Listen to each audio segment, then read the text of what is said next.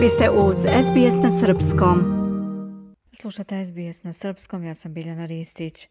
Optusov sistem komunikacija je u prekidu širom zemlje zbog čega su prekinute telefonski i internet usluge milionima australijanaca.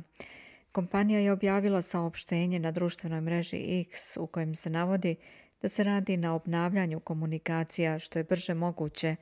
Govoreći za ABC radio, generalna direktorka Optusa Kelly Bayer Rosmarin kaže da u Optusu ne znaju šta je izazvalo prekid komunikacija.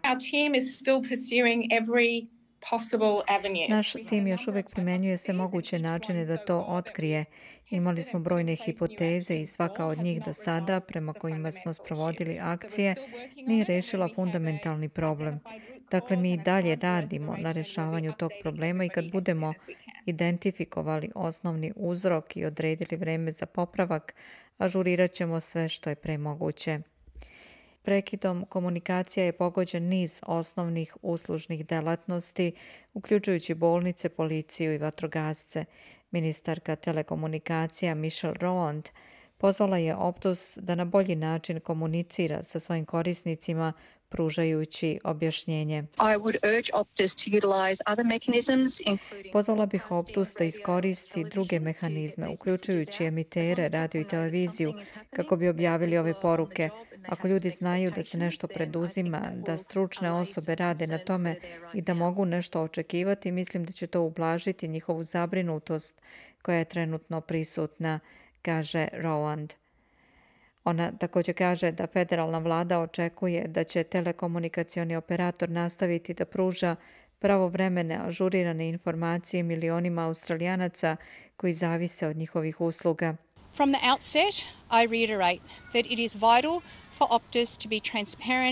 od samog početka ponavljam da je od vitalnog značaja za Optus da bude transparentan i blagovremen u ažuriranju informacija koje daje svojim klijentima o prirodi kvara, njegovom utjecaju na njih i mogućem otklanjanju.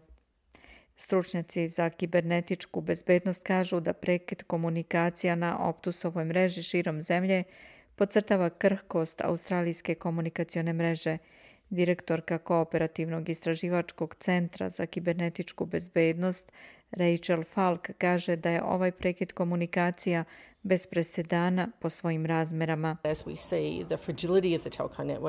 Kao što vidimo, vidljiva je krhkost telekom mreže koja povezuje sve sa svačim, povezuje očigledno železničke usluge, bolnice, internet, telefonske usluge i također je tačno da povezuje sve od Kensa preko Melbourne i Perta do istočne obale. Korisnici železničkih usluga u Melbourneu bili su suočeni sa velikim kašnjenjima vozova kao i prekidima saobraćaja kako se navodi zbog prekida komunikacija.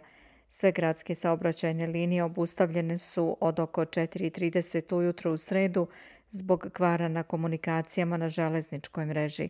Železnički saobraćaj je nastavljen nešto pre šest ujutro, ali su se velika kašnjenja nastavila tokom jutarnjeg špica. Piše Aleksa Nifantis za SBS News. Ja sam Biljana Ristić. Želite da čujete još priča poput ove? Slušajte nas na Apple Podcast, Google Podcast, Spotify ili odakle god slušate podcast.